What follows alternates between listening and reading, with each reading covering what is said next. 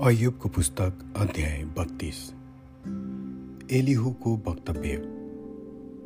तब ती तीनजना मानिसहरूले अयुबलाई जवाफ दिन छोडे किनभने तिनले आफूलाई निर्दोष नै छु भनी सम्झे। तर रामको सन्तानको बुझी बार्केलका छोरा एलिहुलाई रिस उठ्यो किनभने अयुबले आफूलाई परमेश्वरभन्दा पनि धेरै धर्मी तुल्याए। ती तिनजना मित्रहरूसँग पनि तिनी रिसाए। किनभने अयुबलाई जवाफ दिन तिनीहरूसित केही जवाफै रहेन। यद्यपि तिनीहरूले तिनलाई दोषी ठहराए।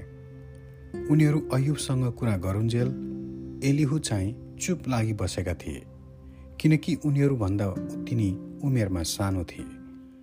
तर ती तिनजनासँग अयुबलाई फर्काउन जवाफ केही नभएको देखेर तिनले आफ्नो रिस थाम्न सकेनन्। तब बुझी बार्केलका छोरा एलिहुले भन्न सुरु गरे।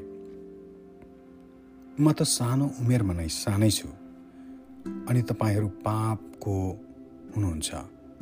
यसै कारण तपाईँको सामुन्य मेरो ज्ञान देखाउन चाहिन र चुप लागि बसेको थिएँ। मैले यस्तो विचार गरेँ उमेरले बोल्नुपर्छ र उमेर ढल्केकाहरूले आफ्ना बुद्धि प्रकट गर्नुपर्छ। तर मानिसमा त परमेश्वरका आत्मा हुनुहुन्छ र सर्वशक्तिमानको सारा सास जसले त्यसलाई समशक्ति दिन्छ। बुढाहरू मात्रै त बुद्धिमानी हुँदैनन् अथवा जे ठिक छ सो बुझ्ने पाकाहरू मात्र हुँदैनन्। यसकारण म भन्दछु। मेरो कुरा सुन्नुहोस्। मैले जे जानेको छु सो भन्ने छु हेर्नुहोस् म त तपाईँहरूका कुरा सुन्दै थिएँ। तपाईँहरूले शब्दहरू खोज्नुहुँदा तपाईँहरूका विचारको अन्त के हुन्छ भनी म त ध्यानसित सुनिरहेको थिएँ। तपाईँहरूको विचारको अन्त के हुन्छ भनी मैले पूर्ण ध्यान दिएको थिएँ। तर तपाईँहरूमध्ये कसैले पनि अयुबलाई खण्डन गर्नु भएन। न त तिनको बहसको जवाफै दिनुभयो। यसो नभन्नुहोस् हामीले बुद्धि पाएका छौँ। मानिसले होइन परमेश्वरले नै तिनको खण्डन गरून्। तर अयुबले मेरो विरुद्धमा बोलेका छैनन्। तपाईँहरू जस्तै म तिनलाई जवाफ दिने छैन। तिनीहरू हैरान भएका छन् र भन्नलाई केही बाँकी छैन। के तिनीहरू बोल्दैनन् भनेर मैले पर्खिबस्ने र किनभने तिनीहरू त्यहाँ उभिबस्छन् र फेरि जवाफै दिँदैनन्। होइन अब म मेरै जवाफ दिनेछु र म जे जान्दछु म तपाईँहरूलाई भन्नेछु।